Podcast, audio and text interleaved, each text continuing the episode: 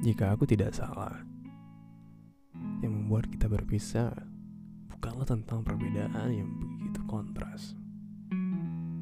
Dari awal tentu banyak hal yang tidak pernah sama dengan latar belakang keyakinan yang berbeda, budaya dan keluarga.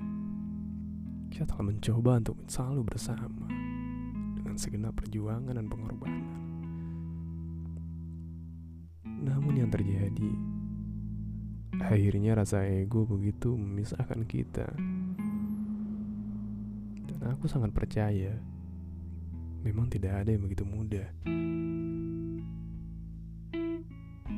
Namun Kurangnya kompromi membuat Kita saling begitu menjaga jarak. Sayangnya Ketika membicarakan semua itu merasa disalahkan. Mungkin karena komunikasi yang tidak begitu baik. Dan aku percaya bahwasanya jika nanti kita kembali bersama, ada hal yang harus untuk saling kita benar. Bukan dalam perseteruan siapa yang paling benar, siapa yang paling baik atau siapa yang paling buruk. Tidak, tidak. Kita tidak akan berbicara seperti itu. Jika memang kita pernah menjadi rumah dan ingin selalu berada dalam rumah itu,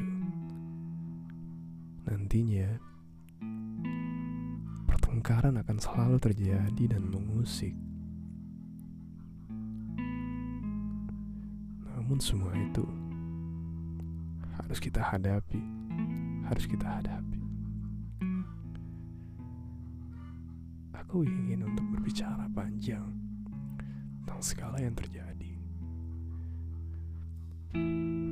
Berbicara tentang bagaimana kabarmu hari ini dan bagaimana kamu menjalani segala hal yang membuatmu pusing, terkendala. Karena dengan begitu aku merasa berharga. Karena kita telah berbagi mimpi untuk bersama. Masa depan yang begitu abstrak